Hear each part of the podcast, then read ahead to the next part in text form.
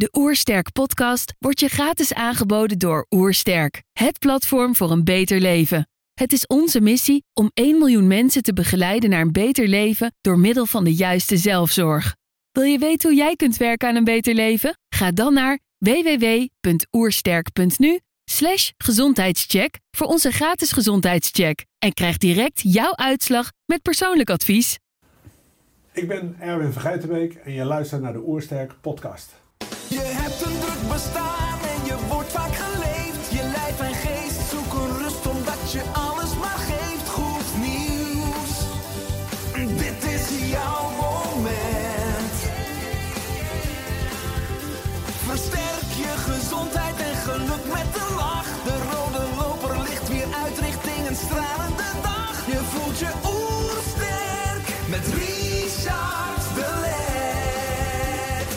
We zijn in Heemskerk voor een podcast met Erwin van Geitenbeek. Erwin is regulier en holistisch dierarts, maar richt zich als ortomoleculair geneeskundige en KP-niet-therapeut ook op mensen. Ik ben benieuwd naar zijn tips voor een beter leven. Trouwens, geniet je van onze podcast? Abonneer je dan en laat een reactie of review achter. Zo help je ons om het gezondheidsvirus te verspreiden. Let's start! De Oersterk Podcast. Een ontdekkingstocht naar een beter leven. Erwin, welkom. Hallo Richard. Ik lees op, op je website. Vanaf mijn vijfde wist ik al wat ik wilde worden: dierarts. En op mijn 25e werd ik het. Hoe kwam dat zo, dat je het op je vijfde jaar al wist? Dat heeft eigenlijk eh, wel een heel leuk verhaal. Heeft dat, eh, dat ik een soort van inwendig gevoel al had dat ik eh, iets met dieren moest gaan doen. En zeker het gebied van de geneeskunde. Mij interesseerde het al als kleine jongen dat ik dieren zag van hoe ze bewogen, hoe ze dan ademden, wa- wat dan hun functies waren in hun lichaam, et cetera. Ja, en zo is het eigenlijk, eh, moet ik ook zeggen, als ik iets zeg, hou ik het ook vol. En eh, zeg ik dat ik dierenarts word, ben ik dierenarts geworden. Dus, dus je kunt eigenlijk wel zeggen dat ik geen dierenarts ben geworden voor het feit dat ik ehm, een bepaalde liefde voor dieren had en, en daar een soort van wereld-natuurfondsachtige gedachte achter had. Maar ik was veel meer geïnteresseerd in eh, de techniek van hoe zo'n dier in elkaar stak en hoe die functioneerde en hoe het dan eigenlijk, maar dat was later, in Gods hemelsnaam mogelijk is dat hij ziek kan worden en dan later ook nog realiseren veel ziektes die wij ook hebben. En dat is later gekomen. En, en dus eigenlijk ben ik meer een technische dierenarts geworden toen ik afstudeerde. En dat technische dierenarts zijn stond mij dan ook in de weg voor een goede communicatie met de klant. Want klantcontact, dat leer je niet op een universiteit natuurlijk. De baasjes. De baasjes, Ja. hè, het klantcontact, de eigenaar contact. En die hebben natuurlijk een enorme emotionele binding met hun dier. Wat ik me ook niet realiseerde toen je afstudeerde. Want je wordt natuurlijk heel sec, althans in mijn tijd, technisch opgeleid. En eh, ja, daar moest ik in latere fases wel aan gaan werken, dat dat emotionele aspect er ook aan vast zat. Dus, dus techniek, dier, hoe wordt het beter, waarom wordt het ziek en hoe genees je het? Ja, en dat, dat, dat loopt dan op deze wijze. En dat is dan uiteindelijk geëvalueerd naar meer dan alleen reguliere diergeneeskunde, wat ik in eh, Antwerpen en Gent heb gestudeerd. Maar ook naar, ja, je mag het holistisch noemen, maar een acupunctuur en osteopathie is daarbij gekomen. En het is logisch eigenlijk dat dat erbij komt als je regulier bent en je bent bewust regulier dierenarts. Want eigenlijk kun je zeggen dat je 80% van de ziektes bij dieren regulier niet oplost, maar regulier draaglijk maakt voor het dier. Maar ze blijven op de medicatie en ze blijven op speciale voeding of af en toe een operatie nodig hebben. En dat stond mij eigenlijk altijd tegen, tegen stond me dat. En het keerpunt is gebeurd in 1992 dat ik een klant voor me had staan. En dat was zo'n ontzettend mooi geval. Was dat een, een soort turning point, kan je dat noemen. En ik zal het nooit vergeten, die blik van die vrouw nog steeds niet. Die vergeet ik niet. Die werd boos op mij in de spreekkamer. En boos in de zin dat ze zei... U geeft mij nu iedere keer hetzelfde en het wordt niet opgelost. En dat zei ze zo, met zo'n intonatie, dat dat, je kent dat wel eens, je hebt dat allemaal wel eens in je leven, dat je, dat je denkt, goh, dat blijft bij me hangen, hè? of een tekst of wat dan ook. En dat bleef zo bij me hangen dat ik daar best wel even mee bezig geweest ben. En ben gaan nadenken, ze heeft nog gelijk ook. Ik word hier niet eens boos om of geïrriteerd om. Ze heeft gelijk, ik los het ook niet op. En, en zo is eigenlijk heel langzaam hoor, want het is niet direct gegaan. Het, het vuurtje ontvlamt. Hé, hey, ik moet naar meer gaan kijken. Want als ik met gewoon reguliere medicatie niet alles oplossen kan, en ze komen dus telkens terug voor herhalingsaankopen, dan moet ik iets kunnen vinden dat het wel kan genezen. Want als een snee bij een dier in de huid na een ongeluk of een gevecht met honden of een paard wat een trap heeft gehad, in principe volledig uit zichzelf geneest, dan heb ik zoiets, ja, waarom kan dat niet met andere dingen? Nou zo is dat traject ontstaan. Dat ik uiteindelijk daarin dus ook acupunctuur en osteopathie, en uiteindelijk ook, net als jij, KPNI heb gestudeerd. En dan zullen veel mensen zich afvragen, ja, waarom studeer je als dierenarts KPNI-therapie voor mensen? Ehm, dat komt door een van onze leraren, Leo Pruimboom, onder andere de vraag gesteld hebbende toen ik daar op zo'n introavond was. Want ik was eigenlijk op zoek, dat moet ik nog even vooraf vertellen, naar meer informatie over voeding bij dieren. En daar kwam ik niet uit. En zo ben ik tegen die KPNI-opleiding aangelopen. En uh, ja, toen zei iemand ook van we oefenen eigenlijk alles op dieren. Dus waarom zou je dat dan niet kunnen doen? En toen ben ik verder gaan kijken nog. En toen realiseerde ik mij dat de cel van een dier, de cel zelf, dus als je kijkt naar het celletje op zich onder de microscoop, dan zie je geen verschil tussen een hondencel of een mensencel of een paardencel. Het zijn allemaal zoogdierencellen. En toen dacht ik van ja, 50 triljoen cellen. En je hebt een groot dier of een mens. Dan moet het hetzelfde werken. En zo is het eigenlijk begonnen. En vandaar dus dat mijn, mijn inval uh, op mijn werk, uh, dat moet ik wel heel duidelijk stellen. Ik ben niet, je komt bij mij en je krijgt acupunctuur. Dat is niet waar. Je komt bij mij, en dit vind ik heel essentieel. En door alle kennis kan ik klanten natuurlijk ook goed inschatten. Probeer ik eerst het plaatje te krijgen wie staat er voor me. En op een gegeven moment je vaste klanten weet je dat uit je hoofd. Dus dan weet je ook hoe je de benadering kan maken bij een bepaalde klacht. En ik zal altijd eerst gewoon reguliere diergeneeskunde doen. Dus ik onderzoek hem gewoon. En ik doe een bloedonderzoek of een röntgenfoto als dat nodig allemaal is. En van daaruit bepaal ik, oké, nou hebben we deze diagnose. Wat gaan we het allerbeste inzetten wat het dier het beste helpt zonder dat het de minste schade veroorzaakt en, en het blijvend oplost. Dus ja, dat is eigenlijk in het korte traject waarin ik terecht ben gekomen als je het hebt over, uh, over geneeskunde en over uh, holistische geneeskunde. Want er is natuurlijk een heleboel weerzin tegen holistische geneeskunde, complementair, alternatief, geef het een naam. Want wat is regulier en wat is holistisch? Ja, soms kan je zeggen dat juist het reguliere complementair is. En dan denk ik dat, uh, dat het eigenlijk zaak is dat je niks moet verafschuwen of in een vies hoekje moet duwen, zoals veel gebeurt. Hè? Van, ah ja, die dokter en het werkt allemaal niet. Nee, nee, zo is ook bij acupunctuur dingen die niet werken. Uh, het, het, is belangrijk dat je de goede diagnose stelt, de wens van de klant meeneemt. Dat is belangrijk, want ik heb natuurlijk klanten die zijn vegetariër, veganist. Uh, ik heb een hond, maar ik moet er niet te veel last van hebben. Of heel begaan, of sporthonden, sportpaarden. Dus dat speelt allemaal mee in je benadering. En dan is soms acupunctuur verstandig, soms de operatie, soms puur medicatie. Maar aan de andere kant kan osteopathie nog een hoop doen. En heel vaak zet ik een reguliere medicatie in om te starten. En vervolg ik het een week of drie later met acupunctuur of osteopathie om het totaal voorbij te laten zijn. Ja, en daarachter speelt eigenlijk de grootste factor, achter dit geheel wat ik nu beschreven heb bij die dieren. En dat is dat de levensstijl niet klopt. Wat ik vandaag ook weer heb meegemaakt, want vanochtend heb ik eerst een mens behandeld. Dat is heel bizar natuurlijk in een dierenartspraktijk als KPNI-therapeut en daarna dieren. Maar zolang de levensstijl van het dier, dat leeft bij de eigenaar, niet verandert, blijven de cellen dezelfde informatie krijgen van buitenaf. Die weer dezelfde reactie op het DNA geven. Met weer dezelfde klachten. Mhm. Dus het is, het is, ik zeg altijd tegen een klant gekscherend, en, en daarmee kan je het wel samenvatten. Prima dat je blijft doen wat je doet, maar dan wil ik ook nooit meer één klacht over de rekening. Ja, want het is prikkelend dat we ons als mens verheven voelen in het dierenrijk. Terwijl je zegt terecht, uh, zowel dieren als de mens, we zijn beide zoogdieren. Ja. Uh, je schrijft op je website: dieren praten niet, hè, mensen praten wel, uh, maar geven wel allerlei andere signalen, hè, op Ja. allerlei andere manieren.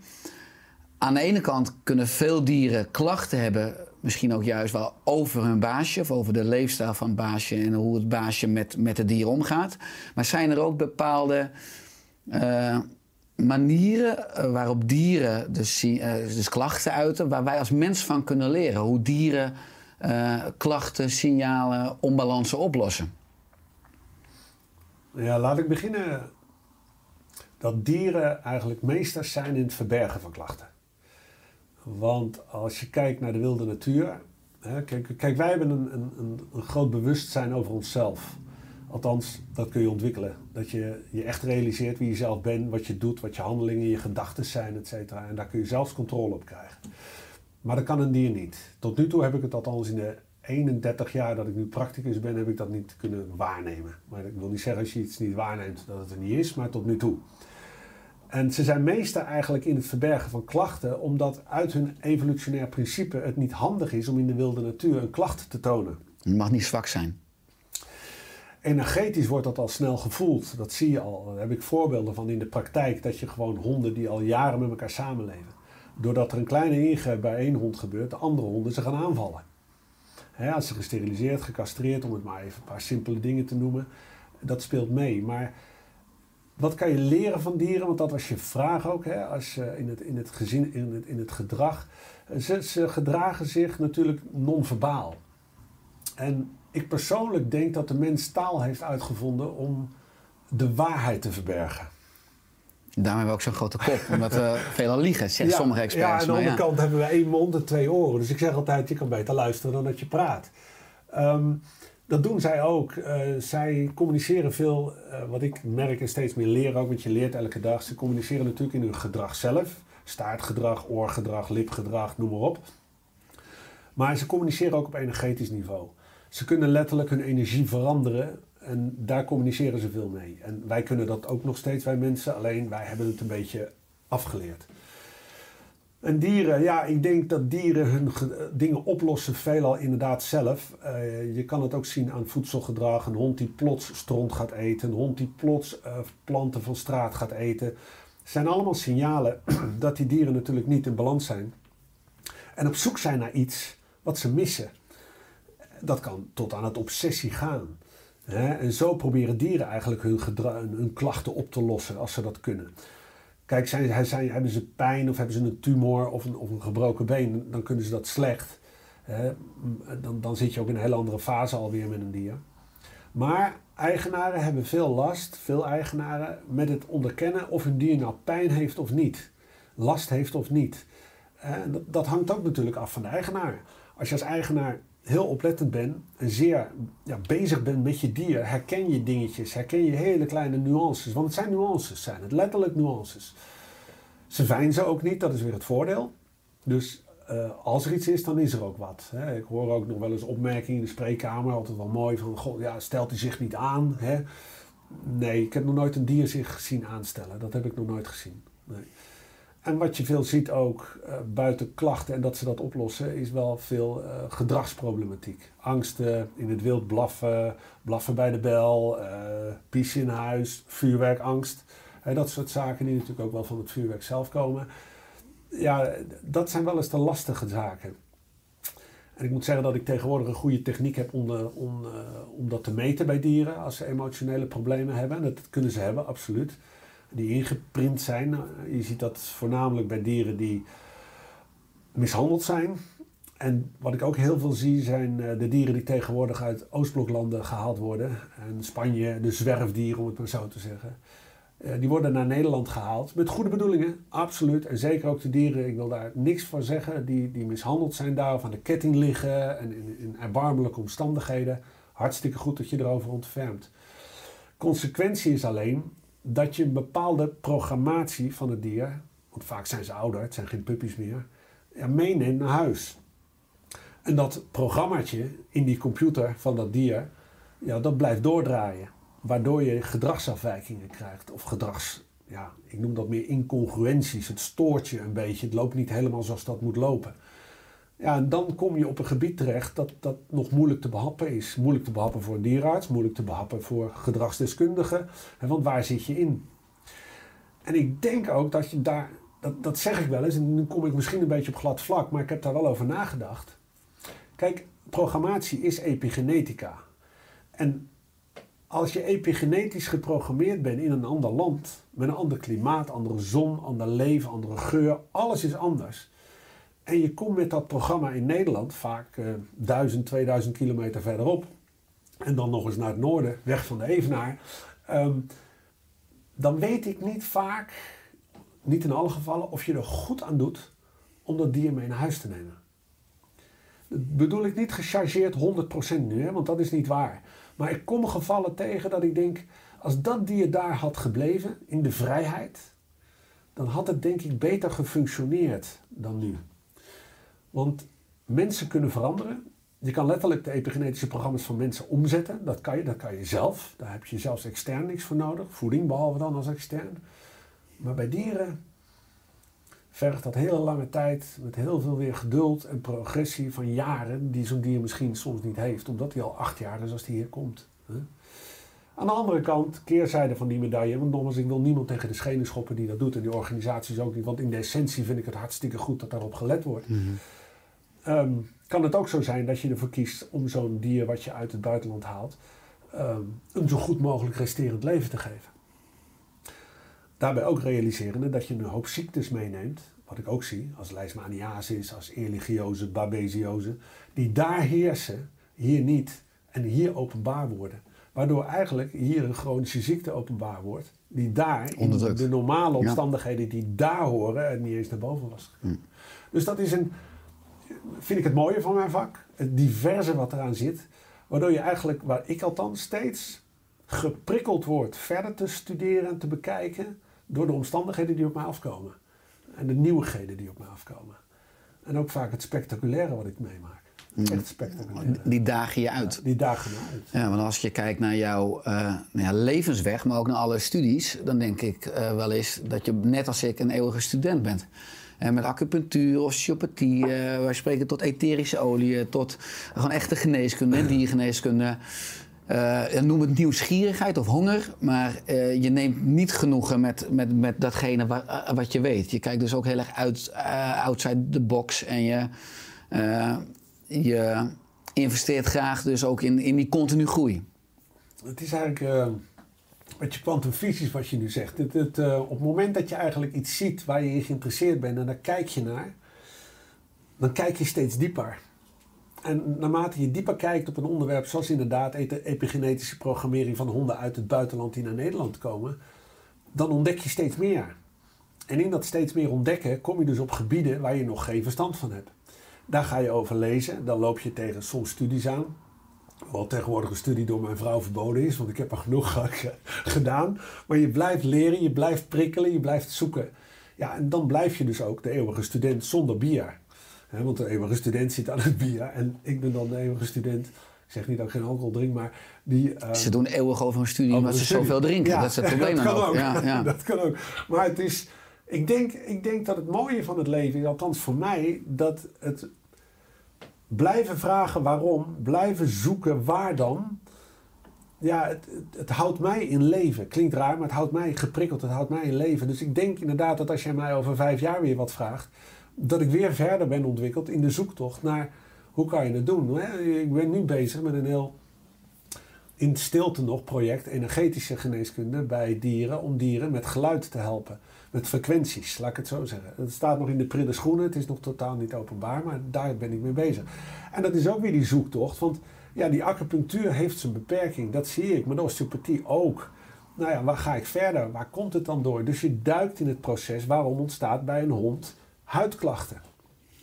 Wat ik helemaal intrigerend is, waarom krijgt een dier kanker? Want nog steeds is kanker doodsoorzaak nummer één onder onze gezelschapsdieren. En dat intrigeert mij enorm als je kijkt naar de wilde natuur, waar kanker, ik zeg niet niet voorkomt, maar uiterste zeldzaamheid is. Sporadisch, ja. Sporadisch. Hè? Dus, dus, dus dat is ook weer zo'n zoektocht voor mij, dat ik denk, hoe is het toch mogelijk? Want het verdriet wat ook ontstaat bij eigenaren, als hun meest liefdevolle dier, en vooral in de huidige westerse maatschappij, waar dualisme natuurlijk prevaleert, is een dier met zijn alleen maar ontvanger zijn altijd een welkome aanvulling voor mensen die in principe de grip op de maatschappij kwijt zijn. Dan wel deels verloren, niet volledig kwijt. En, en dat is, ja, die pijn die je dan ziet, die kanker die ontstaat, die ik vanochtend nog op mijn spreekuur had. Ja, dat, dat, dat, dat doet bij mij alles. Dat ik ook eh, vanmiddag tijdens de lunch, want er werd een heerlijke lunch door mijn eh, ook KPNI opgeleide assistenten ondertussen gemaakt. Dat we zaten te eten. Ik zeg, ik ben helemaal leeg. Niet fysiek, maar gewoon geestelijk even ben ik helemaal leeg. Omdat een goede klant gewoon weer bij mij kwam met een hond. Die al een tijd hoestte, die ik voor scopie had doorgestuurd. In zijn keel kijken. En daar kwam dus een maligne lymfoom, dus gewoon uh, Lymfeklierkanker. lymfeklierkanker, Ja. eh, naar boven. En als je dat dan ziet, en dan zijn ze er vrij nuchter onder. En ze waren nog vrij ja, breed ontwikkeld in de zin van ook complementaire geneeskunde. Maar je voelt de pijn. En ook bij dat dier zie je dat. En dan, ja, ik, ben, ik ben dierenarts geworden om dieren beter te maken en ze er zo te houden. Ja, dan voel ik mij, moet ik eerlijk zeggen, even machteloos. En dan komt bij mij op van waarom? En ik ga zoeken en ik ga kijken. En daarmee pretendeer ik niet dat ik kanker oplos. Nee, nee, nee, nee, nee. nee. Maar wat zijn de fact- determinerende factoren? Wat zijn de kleine redenen die we missen? Ja, want je kan niet alles op voeding gooien. Maar wat missen we dat het ontstaat? Ja, nou zeggen ze het zit in de volk en het zit in dat. En het, nou, dat geloof ik niet. Ik geloof best dat door een bepaald ras te fokken, wat natuurlijk niet natuurlijk is, er gevoeligheden ontstaan. Maar als dat ras zo fout is, DNA-technisch, wat je fokt, dan wordt het niet eens geboren. Dan heb je al een abortus in de baarmoeder. Want een, een, een baarmoeder weet echt wel of iets goed is of niet goed is en dan gaat het dood. Dus, dus ik, ik ben ervan overtuigd dat ook het DNA dat niet bepaalt bij die dieren, maar eerder de celwand en de receptors die erop zitten. Die de correcte informatie niet meer krijgen en daardoor niet meer de correcte vraag aan het DNA stellen. Ik wil dit hebben, maar die krijgen dan het verkeerde. En als je het verkeerde continu krijgt en het gaat maar door en gaat maar door, ja, dan kan ik me voorstellen dat kanker ontstaat. Alleen nu uitzoeken wat dat verkeerde dan is. Hoe ga je daarmee om als dierenarts? Als je continu in aanraking komt met zieke dieren en met klachten en ook met Ja. mensen. Want de meeste mensen zullen je opzoeken als ze signalen of klachten hebben, niet preventief. Ik mankeer helemaal niets. Eh, ik voel me kip lekker. Eh, heb jij misschien nog een tip hoe ik me nog beter voel? Hoe zorg je daarin ook voor je eigen balans in al dat lijden, dan met een lange ei, hè, eh, wat, wat tot je komt iedere Ja. dag? Nou, dat is een hele, hele goede vraag. Heel, heel goed dat je hem ook stelt. Want daar, eh, daar ben ik ook best wel mee bezig. Ik eh, ben nu eh, 31 jaar praktiserend dierenarts. En in het begin ben je enthousiast en werk je. Want je wil je ei kwijt wat je hebt opgestapeld op je universiteit. Dan kom je in dat vastlopen terecht. En dan ga je iets veranderen. want Je gaat het aanpassen dat je het meer weet. En dan kom je in bewustwording terecht. En dat zijn eigenlijk de drie stappen waar ik ben doorlopen als dierenarts. Ja, we hebben zeker last van de hele dag ellende. Daar hebben we zeker last van. En dat kan niet anders. Want je moet wel heel hard zijn om te zeggen: het is alleen maar geld, het kan mij niet schelen. Dat is veel te ver door de bocht, denk ik. Ehm, ik heb daar last van op bepaalde momenten. En daarom heb ik ook een hele andere dagindeling gemaakt. Want ik wil wel een goede dierenarts blijven. Door de opleidingen ben ik me gaan realiseren dat ziek worden, de essentie van ziek worden, gewoon de verkeerde verdeling van energie is. En ik heb beloofd aan mijn vrouw dat ik 100 word zonder medicatie. En het pensioen is ook niet voor mij weggelegd, want daar heb ik helemaal geen zin in. Dus moet ik erg zuinig zijn op mijn eigen energieverdeling. Juist. Want als ik dat niet ben, ja, dan kan ik wel zeggen ik werk 80, 120 uur in de week en eh, dat wordt hem niet. Dus hoe ziet mijn dagindeling eruit? Die heb ik bewust ingedeeld. Schrik niet, maar ik sta op om 4 uur. Waarom? Twee redenen. Het is lekker rustig. het is echt stil. Het is dan 2,5 uur Erwin van Geitenbeek tijd. Hoe En- laat ga je slapen? Vanuit perspectief Dat is dat van 4 het uur? perspectief even. Ja, dat is om, ongeveer tussen 9 en half 10. Oké, ja. Nee, dus mijn slaap is voldoende. Zo'n Voor zeven mij. uur, Ja, ja. is voor mij voldoende. Ja. En eh, ik heb ook geen powernaps overdag, niks. Wat doe ik dan? Dan, dan heb ik van 4 tot 6 om en nabij. eh mediteer ik, laat mijn honden even uit. En ik zit veel op eh, online coaching voor mezelf. Dus wat kan ik zelf nog op het grotere gebied leren wat er is? Nou, tegen die tijd is het een beetje 6, 7 uur. Eh, dan is misschien nog even tijd om je mails door te nemen. Nou, de standaard dingen van het voorbereidende werk. Wat staat er op de agenda? En dan pak ik zoveel mogelijk de fiets naar mijn werk. Dat lukt niet altijd, want ik moet soms vlees halen van carnivore om mijn praktijk weer te bevoorraden. Dat is wat handiger om met de auto te doen. We zouden dat ook op de fiets kunnen doen, maar dan wordt de dag wat kort. Ehm, dan kom ik aan en dan werk ik van 9 tot 12. Van 12 tot 4 werken we nooit. We zijn bereikbaar voor spoed. We blijven open. We hebben telefoon. En van 12 tot 4 is of een stukje studie. Of vrijwel altijd de sportschool. Of mijn honden naar buiten uitlaten. Afhankelijk hoe de situatie zich voordoet. Zoals nu zit ik bij Richard Talent. En van 4 tot 7 werk ik weer. En vanaf 7 uur zet ik letterlijk mijn telefoon op vliegtuigstand. Hij is letterlijk volledig uit. En dan ben ik gewoon thuis. En dan ben ik gewoon weer in het nu. En volledig in het nu met mijn vrouw, mijn twee honden. En natuurlijk ook alle dierbaren die om me heen dan nog aanwezig zijn. Dus dat is een beetje de indeling van de dag. Ehm, ik wil namelijk voorkomen, en ik denk dat dit ook essentieel is, dat je vakantie nodig hebt om bij te komen. Ik denk dat dat zo essentieel is. Ik denk dat je een vakantie moet doen omdat je het fantastisch vindt om dat of dat of dat te gaan zien. Maar niet, oh heerlijk, dan kan ik even bijkomen.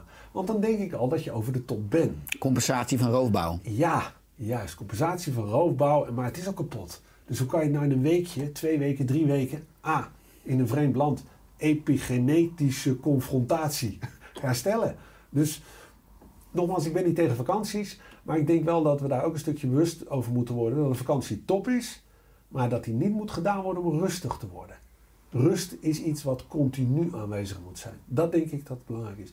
En op die wijze hou ik gewoon een praktijk, een bedrijf met rauwe voeding en nog essentiële oliebedrijf wat we hebben vol, zonder enige spanning, druk, vervelende dingen. En kan ik ook inderdaad, uh, zeker via het sporten de, en de meditatie, uh, de spanningen opgelopen door vooral de emotionele pijn van mensen waar een dier slecht mee gaat, opvangen. Maar je Dat is een soort, goede vraag. soort ideale blauwdruk die, eh, die iedere dag, die aspecten komen iedere dag terug. Zoals sporten en meditatie. Bostrip, bostrips, veel boswandelingen. Veel, heel veel. Ja, proberen planten te herkennen. Ook in die situatie natuurlijk met die oliën. Ja. Ja, en naar dieren te kijken en dingen op te vallen wat je ziet. Ik betrap me er altijd op als ik iets moois zie. eh, vooral, vooral zomers kan je natuurlijk lekker vroeg al wandelen, het licht is. Hè? En je loopt door het bos heen en, en dan betrap ik me er gewoon op dat ik automatisch al mijn iPhone pak en dan een foto maak van een plant die toevallig met het licht echt fantastisch in beeld komt. Ja, het klinkt misschien raar, maar ik, ik, ik probeer daarin eigenlijk meer de essentie van mijn onderbewuste bestaan naar boven te laten komen. Je bent dan echt aanwezig in het moment. Nu, dus het ja, valt dan ben ik echt nu. Ja. nu, dan valt het je op. En, en ik denk dat dat, eh, ja, dat geeft mij heel veel rust en ontspanning. Even met mijn honden door het bos. Op mijn blote voeten ook. Want ook dat doe ik veel, zoveel mogelijk. Ik denk niet als ik als dierenarts met mijn blote voeten door de praktijk loop dat ik nog voor serieus aangezien word. Maar ik zou dat toch in de toekomst dierenartsen ten strengste adviseren dat te doen. Ja. Kom je wel eens andere mensen tegen in het bos als je op blote voeten loopt? Denken mensen wel eens, er is iemand uit de psychiatrie ontsnapt? Of? Dat zouden ze kunnen denken. Meestal als ze vragen zeg ik dat ik mijn medicatie vergeten ben. Dus dan loopt het wat mis. Maar het is niet zo... Ja, weet je, kijk, daar ga je weer. Eh, In hoeverre... Nor- norm en afwijking. Ja, in Ja. hoeverre vind ik de omgeving belangrijk? Ja. Ja, ik denk, ik denk dat als ik uitleg wat grounding voor je kan doen... dat op dat moment mensen Het- spontane schoenen uittrekken. Er komen steeds meer publicaties over aarding en de kracht van ja, aarding. kracht ook preventief met Ja, klachten. waarom lopen dieren dan zonder schoenen? Anders hadden de dieren echt wel schoenen aan. Zou je ook ziet een nieuwe ze markt wel eens zijn. lopen, maar dat nieuwe markt. Maar Ja, ja. Het, het, eh, het gebeurt wel. Maar dieren doen dat ook niet. Ja. En je ziet ook heel veel gedrag bij honden, bij paarden ook natuurlijk. Eh, paard op ijzers loopt al niet meer op de grond. Hè? Eh, dat ze helemaal bepaalde plekken uitkiezen om te gaan liggen. Hmm. Maar dan vraag ik me wel eens af, als we nou ervan uitgaan dat ze geen bewustzijn hebben. Althans niet het bewustzijn dat wij hebben. Hoe kunnen ze dan bewust zoeken naar een plek waar je gaat liggen? Zou dat niet meer voornamelijk op energetische basis kunnen zijn? Het is een vraag, hè? Het is niet iets wat ik zeg dat zo is. Het is een vraag. Dus ik denk dat ook daar, dat je daar eens goed naar moet kijken. Als ik bijvoorbeeld zie op die film Grounding, er is een film waarbij een, een hertje gevonden wordt, als wees, zeg maar, een weeshertje, wat, wat beschadigd is geraakt. En die leggen ze even in een trailer neer, een paardentrailer, die is vrij ruim voor een klein hertje.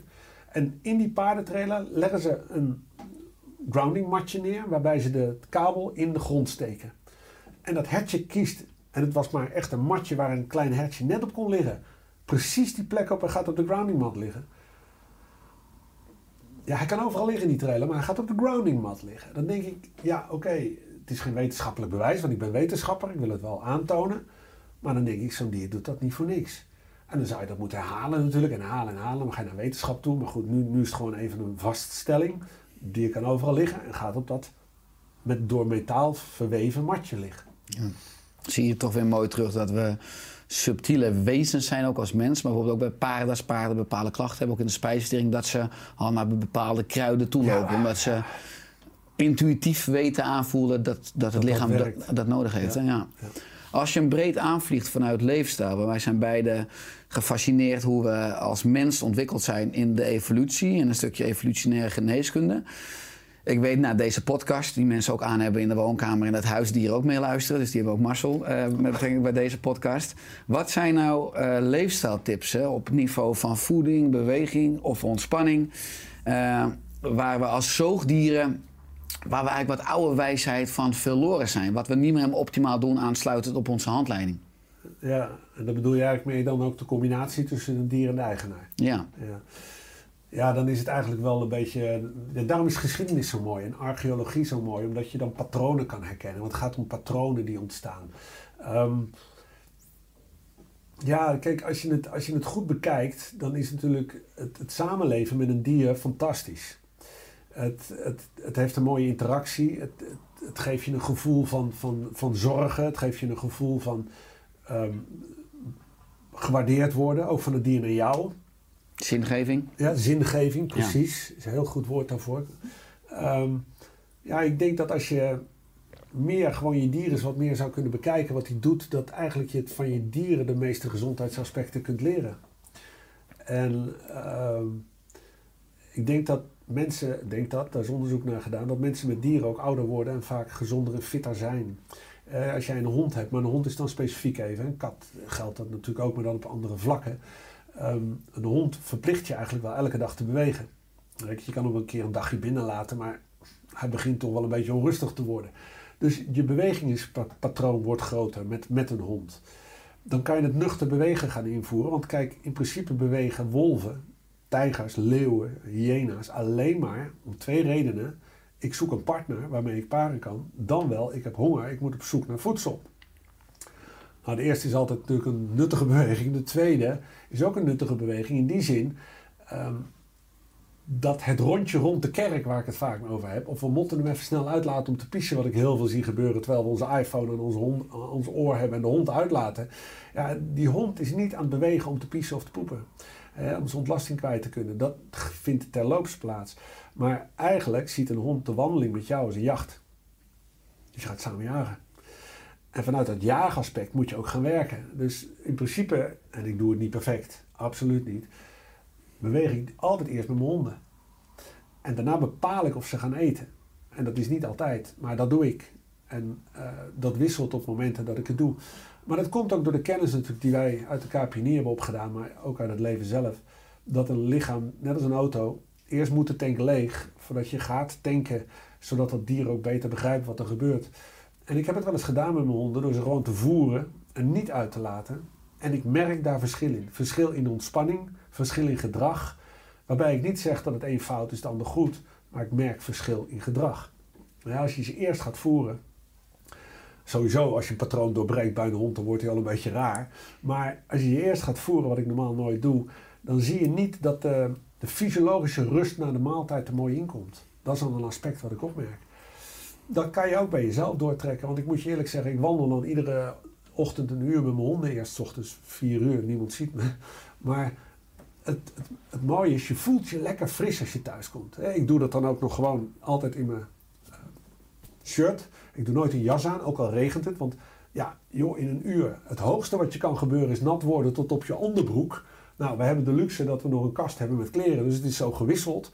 En als een mindset is dat, dat is gewoon een mindset.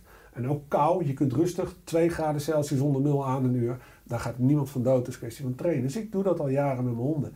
We komen met z'n drieën fris binnen. We gaan aan een maaltijdje. Ja dan nee, maar we gaan aan een maaltijdje. En daarna zie je echt bij die honden dat ze nog even met elkaar dollen. En daarna liggen ze binnen no time op hun rug, op de kussens, te maffen. Nou, dat is een teken, denk ik, dat dat dan op die manier correct verloopt. En ook je honden kunnen kou aan, je honden kunnen regen aan. En dan zeg ik niet dat het allemaal in het extreme moet. En wat ik doe is ook niet extreem. Dat is ook in de jaren gegroeid om dat te doen. Maar ik moet zeggen dat ik me er wel bij voel, fit bij voel, fris bij voel. Dus ik denk dat ik wel op het goede pad ben met die dieren. En dan moet ik zeggen dat ik nog naakt honden heb ook, die zonder jasje dan gewoon buiten lopen. Dus weet je, het is allemaal een beetje hoe je het aanpakt. Maar dieren hou je sowieso gezond. Je ziet het ook bij paarden. Ehm, het is niet voor niks dat veel eh gehandicapten op paarden rijden. Eh, maar ook fysiek dan wel geestelijk. En daar ontzettend veel plezier uit halen. Ik heb ook in de jaren dat ik die paarden gedaan heb, die ik heel veel gedaan heb vroeger, gewoon gemerkt de tendens die inkwam. En daardoor ben ik ook deels een beetje mee gestopt. Dat ja, het paard toch heel veel verdriet opvangt. En toen had ik altijd de kanttekening erbij. Ja, mooi dat hij het verdriet opvangt, maar wat doet het paard dan met het verdriet? En dat is misschien heel esoterisch of heel gevoelig wat ik zeg. Maar waar komen anders zoveel gedrag- en stalafwijkingen vandaan? Stalafwijkingen als luchtzuigen, kripbijten, weven, stampen met voeten tegen dingen aan. Gevaarlijk tot zaggerijnig worden als je de boxing komt om ze überhaupt te poetsen of zadels op te doen. Dit soort gedrag komt natuurlijk niet uit de lucht vallen. Dat is niet het basisbouwplan van een paard. En ook daarin moet je je afvragen, ja, in hoeverre is het goed om 80, 90 paarden onder een bekapping op te sluiten. En als ik dan ook ervaren heb dat als je gewoon een paard van boksplek verandert. Die zit in een andere box, heeft een ander maatje naast hem. En die dat hele paard knapt op. Hetzelfde als dat jij met je collega op je werk in je kubus zit te werken. Die collega, ja, dan denk ik iedere keer bij me, goh, zal ik hem nou vandaag vermoorden of zal ik het morgen doen? Ja, dat, dat speelt niet mee in het aspect. En, en je ziet dat gewoon terug bij dieren, zie je dat. En dan, daarnaast is natuurlijk voeding ook een belangrijk aspect. Niet alleen het gedrag waar je omgaat, voeding is ook belangrijk. En ehm, ja, met, met, met, met, met die dingen die mij dus opgevallen zijn uit de praktijk, waar ik natuurlijk geen wetenschappelijke fundering voor heb. Maar als ik bedoel, als ik iets honderd keer zie, dan, en ik zeg altijd wetenschap is herhalen. Ja, en ik zie het honderd keer, dan mag het wel zijn dat ik nog geen investering heb gedaan daarin om dat te gaan publiceren. Maar dan is dat toch wel een reden om te zeggen, daar speelt iets. Uh, en dat is met voeding natuurlijk ook. Ik denk dat, dat voeding niet alleen voor ons mensen, maar ook voor ons dieren erg belangrijk is. Ik bedoel, ehm, ehm, als ik alleen al geleerd heb, ook door een hele mooie online eh, ehm, grow, the need to grow gevolgd heb, waarom ik had uh, het kleine intermezzo, maar buxusmot, al mijn buxussen weg en ik moest nieuwe planten neerzetten. Ik denk, maar waarom krijgt mijn buxus nou buxusmot? En ik ga na dat ik altijd maar alleen bemest heb. En ik leer dat bemesten de grond arm maakt, terwijl als je er wormen in doet en lavameel en et cetera en schimmels, want zelfs rhizosporum heb ik door mijn hele tuin heen gedaan. En ik zie nu al in de winter dat mijn planten aan het groeien en bloeien zijn. Dan denk ik, dan is voeding wel een heel belangrijk aspect, want het is ook voeding voor die planten wat ik hier beschrijf. Wel indirect, maar het is voeding. Hè? Net als dat je natuurlijk je, hoe noem je dat, je afvalbladerenhoop hebt, je composthoop hebt. Geldt dit ook voor onze dieren. Hè? Dat geldt voor onze paarden, onze katten, onze honden. En dan hebben we natuurlijk, ja, het aspect voeding is natuurlijk een heel heikel, heet, uh, fijn besproken onderwerp waar heel veel voorstanders, tegenstanders zijn tot, tot extremisten. Maar ik denk dat je er gewoon met een nuchtere visie naar kijken moet. En um, natuurlijk kan je brok voeren, natuurlijk. Hè? Uh, natuurlijk kan je blikvoeding voeren, absoluut. Ik heb je een keer horen zeggen, aan de ontlasting van een hond kan ik vaak al afleiden welk type brok een hond eet. Dus ja, ook vanuit het perspectief, maar dat zal je toelichten, dat brokken eigenlijk niet de optimale voeding zijn voor honden. Nou ja, als je kijkt dat... Granen dan. Ja, als je ja. nog op, gewoon even zonder details de brok bekijkt en je ziet er inderdaad meer ontlasting van, dan kan je maar één conclusie trekken dat het darmstelsel daar niks mee kan. Want als het darmstelsel er wat mee had gekund, dan had het verteerd geworden. Goeie opname. En dan had je een opname en dan had je heel weinig. Ik heb wel eens een berekening gedaan en, en van elke euro brok die je voert, poepen ze 80 cent. En van elke euro rauwe voeding, en ik idealiseer nu even niet, maar dat als dat goed gaat en ook de correcte rauwe voeding, want daar zit een hele hoop verschil in, dan poepen ze nog maar 20 cent. Ik zie het aan mijn eigen honden, er blijft eigenlijk amper iets over. Het is, het niet. is as. Ja, het is, het is ja. as, en Ja. zeker bij katten en bij honden. Ja. En ehm, ja, dat, dat is dan een aspect waar je naar moet kijken in de zin van, van natuurlijk hoeveelheid ontlasting. Nou, misschien kan de gemeente dan de hondenbelasting wat sneller afschaffen. Dat zou natuurlijk ook wel mooier wezen. En ik wil daarmee niet zeggen dat, dat brok niet gegeven kan worden en blik. Het is maar net natuurlijk ook hoe je erin staat. Hè. Er zijn ook me- mensen die van, vanwege de MRSA-angst of dat zelf hebben gehad of immuungemedieerd gecomprimeerd zijn. Ja, dan is vlees niet zo handig ten opzichte van brok. Ehm, dus, dus er spelen meerdere facetten wanneer je de keus maakt. Maar grosso modo kun je zeggen dat wanneer je correcte rauwe voeding geeft, een dier zich optimaler gaat gedragen dan wanneer je hem op brok en blik houdt. Dat wil niet zeggen dat een brokgevoerde hond geen 16 wordt.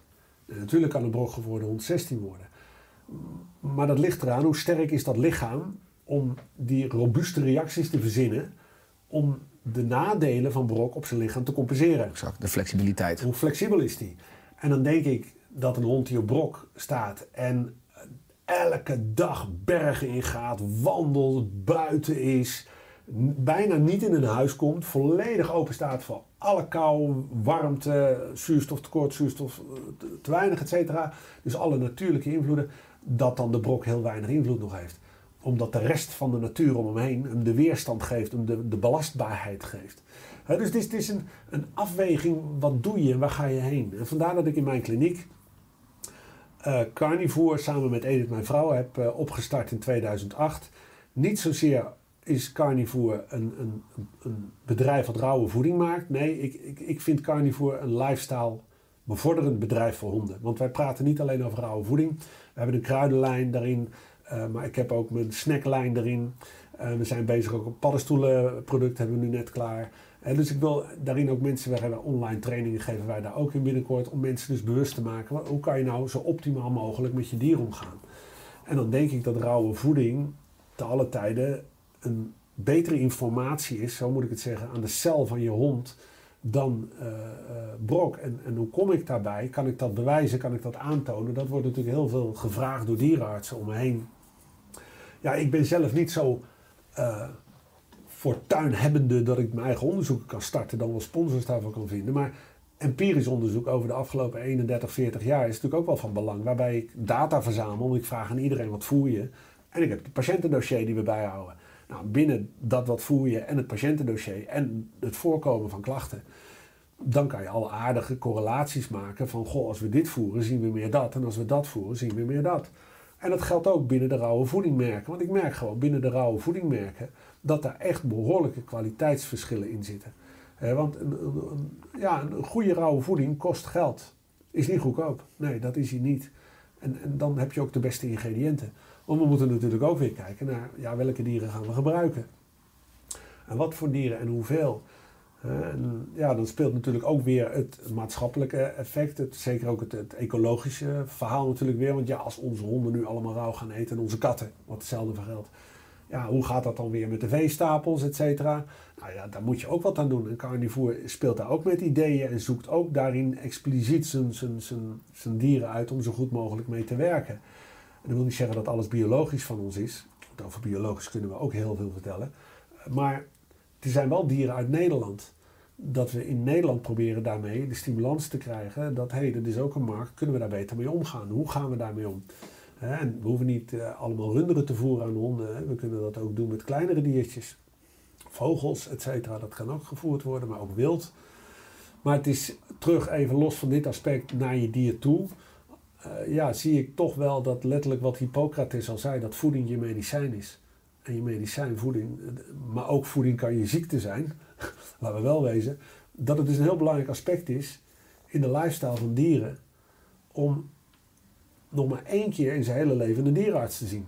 Namelijk als je moet euthaniseren, om het maar zeggen, te zeggen, heel chargerend. Maar dat zou natuurlijk het mooiste zijn, dat je je dierenarts Aan het einde. aan het Ja. einde. Ja. Eh, dus ja, Als je, je zegt terecht dat rauwvoer dan natuurlijk duurder is dan gewoon een zak brokken wat je uit de supermarkt haalt.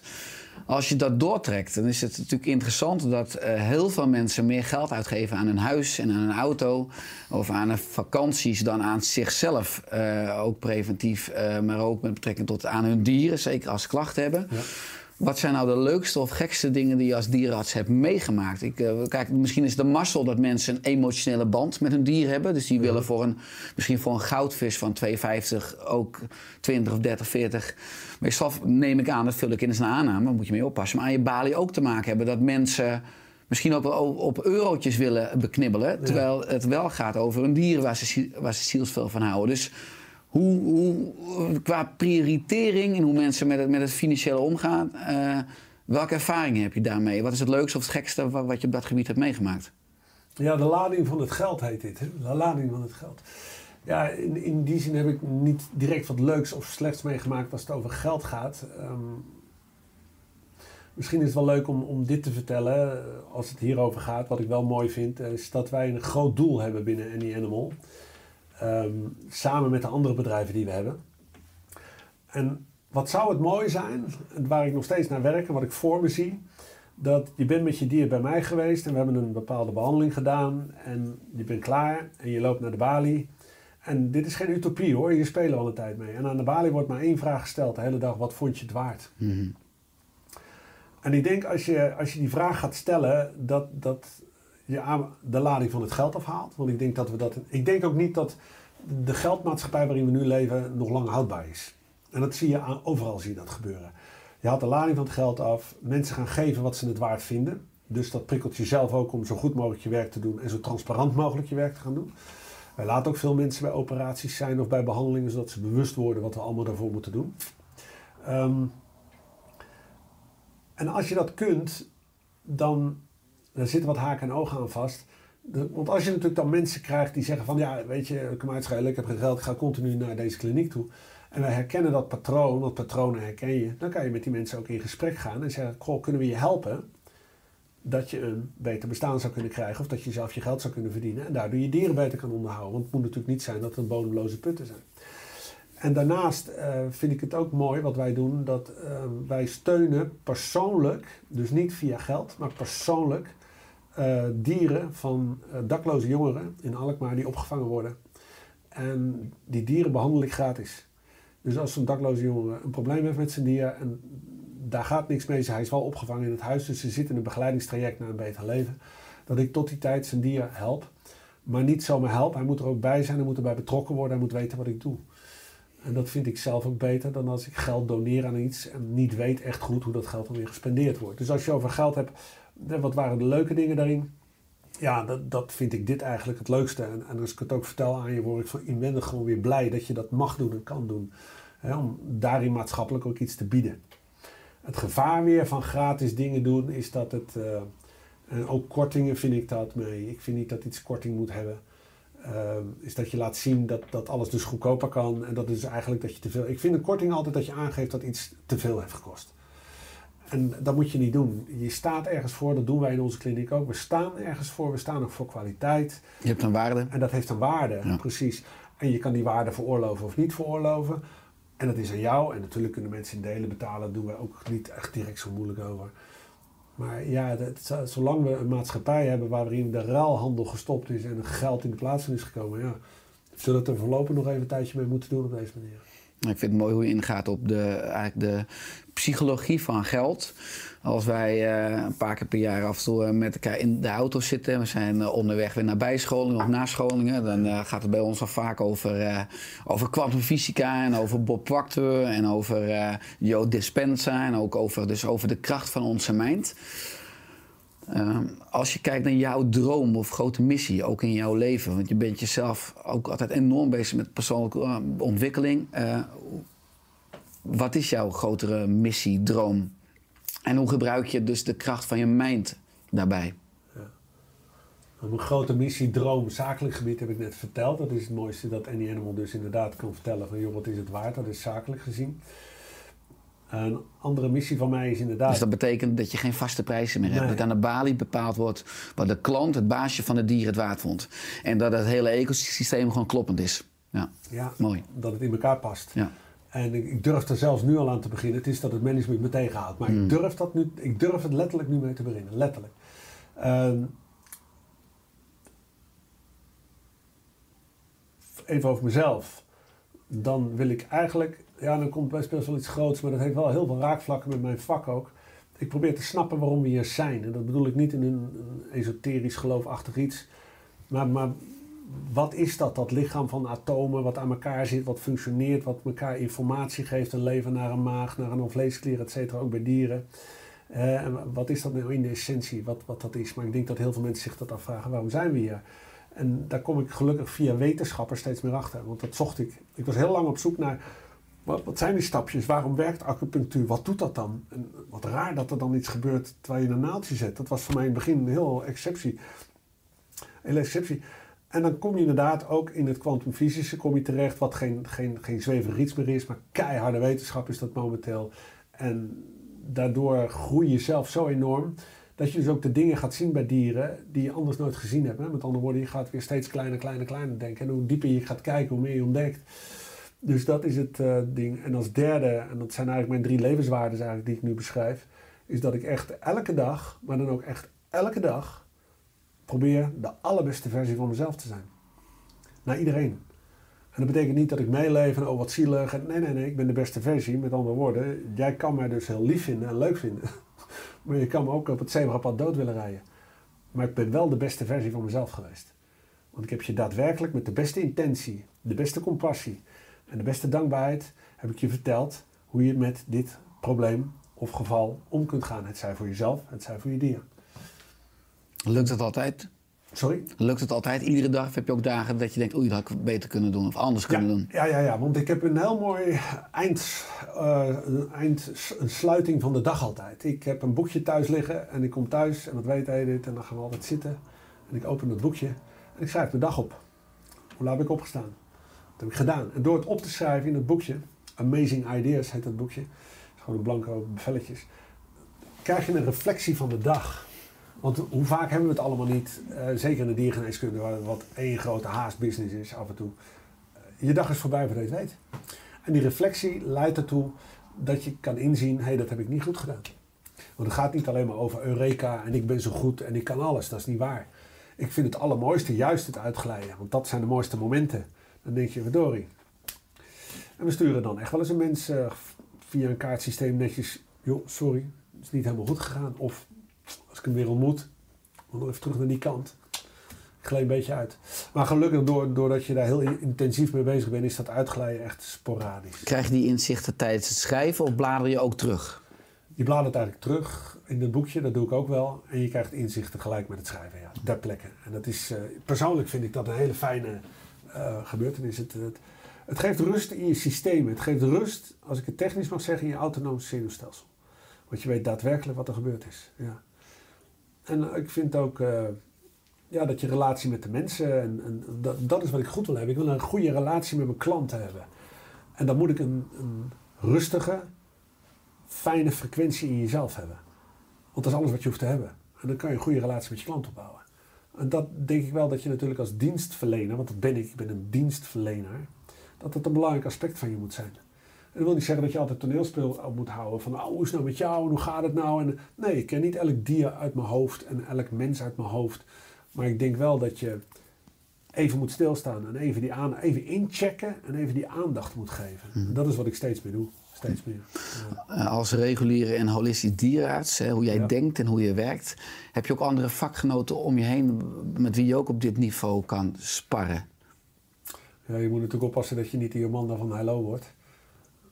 Um, nee, ik spar eigenlijk niet met mijn collega's over deze zaken. Uh, Erik Larak zou nog een collega van me zijn, maar we zien elkaar niet zoveel. Um, maar het is lastig. Want maar je bent een pionier, je loopt een stukje, voor, of een stukje voorop.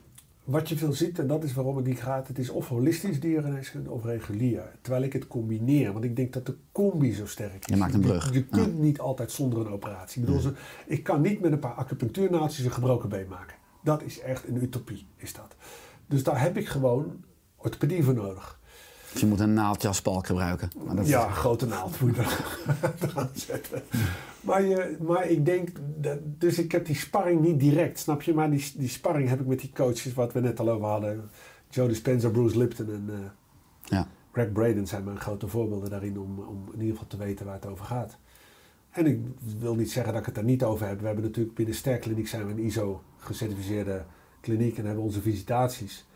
En daarin hebben we vaste pro protocollen hoe we dieren moeten behandelen met bepaalde epilepsie bijvoorbeeld, of een blaasschruis, of dat zijn bepaalde protocollen wat je moet aan voldoen.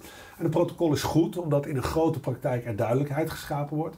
Aan de andere kant, en dat is dualistisch, yin-yang, het nadeel van een protocol is, is dat het de inventiviteit van de, de arts als persoon weghaalt.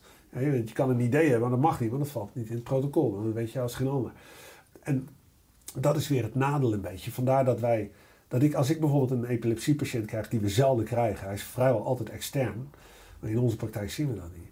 Ja, dat ik een andere benadering heb daarin, een goede ook, en die werkt, dan het sterkliniek wil. En in die protocollen. En dat, dat is wel eens, ik vind dat wel eens lastig. Ja, dat vind ik wel eens lastig. om dan te moeten doen wat je moet doen. Terwijl je weet dat aan de andere kant ook gaat. Dan zeg ik niet dat alle protocollen slecht zijn, dat is niet waar. Nee, nee, nee, ze zijn hartstikke goed. Alleen er zijn er een paar bij waarin ik een andere visie heb. Ja, die, die, die ik dan toch ja, soms anders interpreteer. Is de, de evolu- evolutionaire geneeskunde, eh, is het ook al meer geïntegreerd in de diergeneeskundeopleiding? Zie je de diergeneeskundeopleiding ook al iets veranderen? Want vaak zijn natuurlijk die leerboeken ook in de geneeskunde eh, verouderd. Ja, die verouderen. Wat je wel merkt is dat er een eh generatiegedachtewijziging is. Het is sowieso, zoals in alle zorgberoepen, denk ik momenteel veel dames die, eh, die het worden. En de heren zijn toch wel veruit in de minderheid. Bij dierenartsen? Ja, bij dierenartsen zeker. Mm, oké. Ik kan geen persoonlijk mannelijke dierenarts, jonge mannelijke dierenarts vinden. Maar ze zullen wel zijn, maar heel sporadisch. En ja, een vrouw steekt iets anders in elkaar dan een man. En een vrouw is toch meer collectief, het samenhouden, het overleg. Het, het... En dat is wat je wel ziet veranderen in de werksfeer. En in dat aspect van dat vrouwelijke gedrag, wat niet slecht is, wat ik, juist goed vind dat het eens komt, eh, staan ze meer open voor dit soort zaken. Ze zijn, meer, ze zijn sneller, luisteren ze naar deze dingen. En zien ze dat ook in. Ze toetsen het, ze toetsen het zelf, want ze zijn intelligent genoeg. Ja, en als je het goed toetst, kom je erachter dat het werkt. Dus, dus het is wel, ik denk wel dat de tendens, eh, en ik hoop van harte, dat hoop ik vurig, dat we regulier niet verlaten. En ook niet als een duivels demonengeneeskunde gaan zien. Dat is niet waar. Maar dat we de, de scherpe kanten ervan afhalen en die laten invullen door het complementaire. En ik denk, als we dat doen, en dat denk ik dat vrouwen dat beter kunnen. Maar de, je vraag over de boeken, eh, ik kan hem niet echt beantwoorden omdat ik die boeken eigenlijk nooit meer zie natuurlijk. Omdat je niet teruggaat naar je eerste jaar. Maar wat ik verneem in de praktijk is dat het nog niet zo onderwezen wordt. Nog. Nog. Maar we staan natuurlijk in de maatschappij met gigantische veranderingen. Het is overal onrustig. Overal heb je bosbranden. Overal is politieke heisa. En dat is maar goed ook. Waardoor we reflecties krijgen. van ja, willen we dit nog wel wat we hebben? En ik denk ook dat in de geneeskunde, in de diergeneeskunde, dat wel komt. Maar, maar het komt, eh, Richard, het komt alleen maar vanuit de klant. Vanuit de patiënt humaan. Het komt alleen maar vanuit de klant veterinair. Het gaat niet komen, deze verandering. Vanuit de bovenkant. Dus de universiteit, de farmacie, De revolutie komt van de onderaf. revolutie komt van onderaf. Dus vandaar dat ik ook, net als jij, ik informeer mijn klanten. Want mijn klanten zijn betrokken met dat dier. Die hebben die emotie, die hebben die band. Die willen die band behouden. Want elk, elk overlijden van een dier, dat doet pijn, punt. Dat doet pijn. Ze willen het in ieder geval dat het zo goed mogelijk gaat. Nou, dan, dan is ja, een handleiding aanbieden. Wat ik doe, want eigenlijk moet ik het zo zeggen. Ik bied een handleiding aan.